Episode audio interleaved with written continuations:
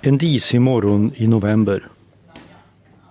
Jag går till säkerhetssalen i Stockholms tingsrätt där den största rättegången i Sveriges historia pågår. Den är stor på alla sätt. 30 000 sidor förundersökning. 14 månaders rättegång. 32 åtalade. 40 advokater. 5 åklagare. Den misstänkta huvudbrottslingen Silva Gundus sitter på en soffa i väntsalen när jag kommer in.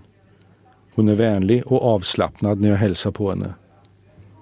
Silva Gundus är den kvinna som suttit längst häktad i Sverige. 18 månader. Hon släpptes ur häktet i juni. Säkerhetssalen är den största som tingsrätten har. Det är därför rättegången är förlagd hit. Silva Gundus sätter sig längst fram till vänster på de åtalades platser. Fram till gripandet betraktades hon som en av samhällets stöttepelare. Före detta vice ordförande i kommunfullmäktige för Vänsterpartiet i Södertälje.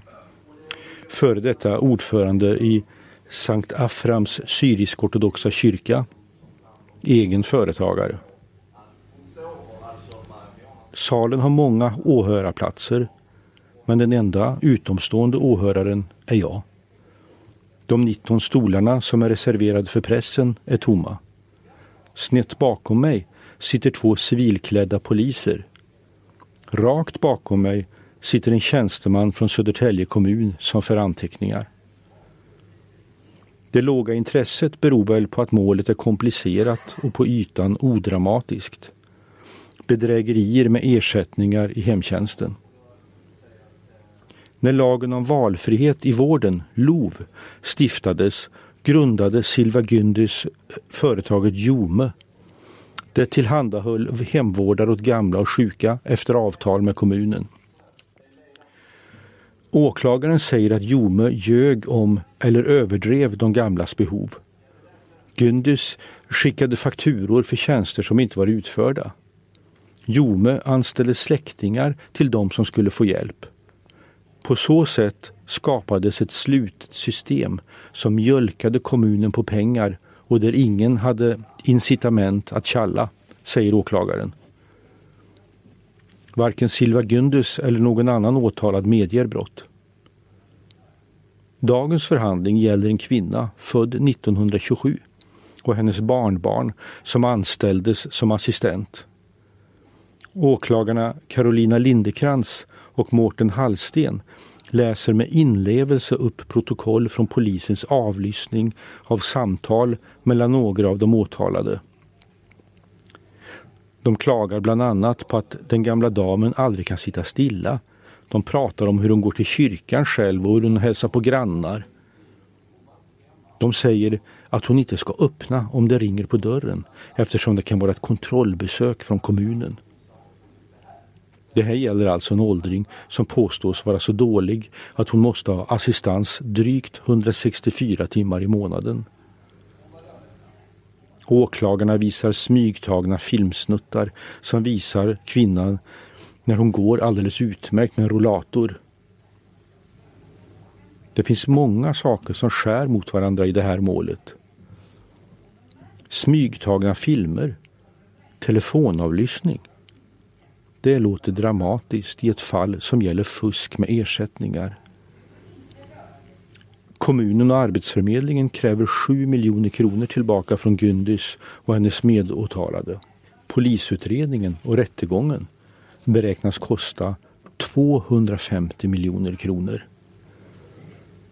En annan skärningspunkt.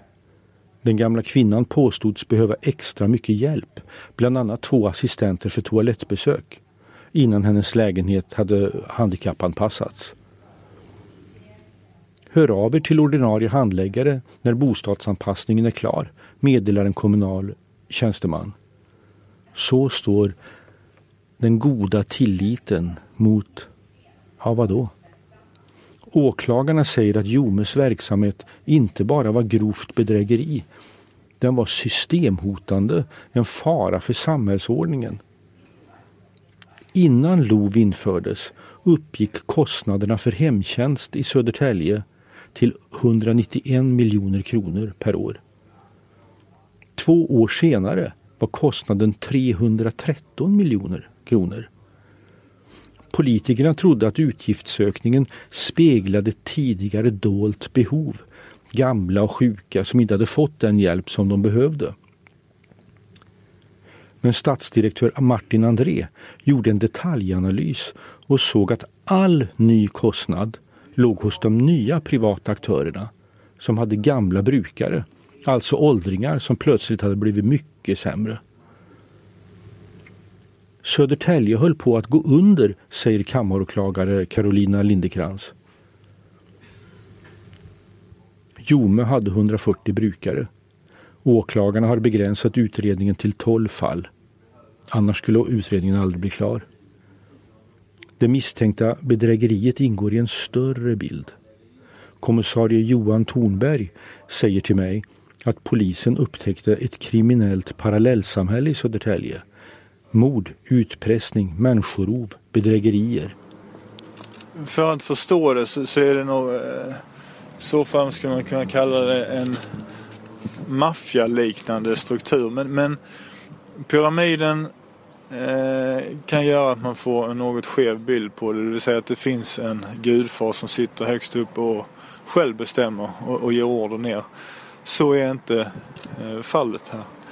Det kan finnas eh, grupperingar inom och finns grupperingar inom den här parallellstrukturen där, där det finns olika chefsbefattningar. Det som är gemensamt är att man har kännedom om varandra och kan använda varandras positioner. De kriminella nätverken gick in i varandra genom släktskap eller andra personkopplingar. Tystnad bredde ut sig i staden. Medborgarna litade inte längre på polis och myndigheter. Hittills har 122 personer åtalats. Bland annat medlemmar i Syrianska brödraskapet och kyrkoledaren Johan Melke Mikkel som fick tre års fängelse för grovt bedrägeri mot Försäkringskassan. I säkerhetssalen sätter Silva Gündis på sig glasögon. Hon följer i sina papper åklagarens framställan. Det är början på ännu en lång, stillsam dag i rätten.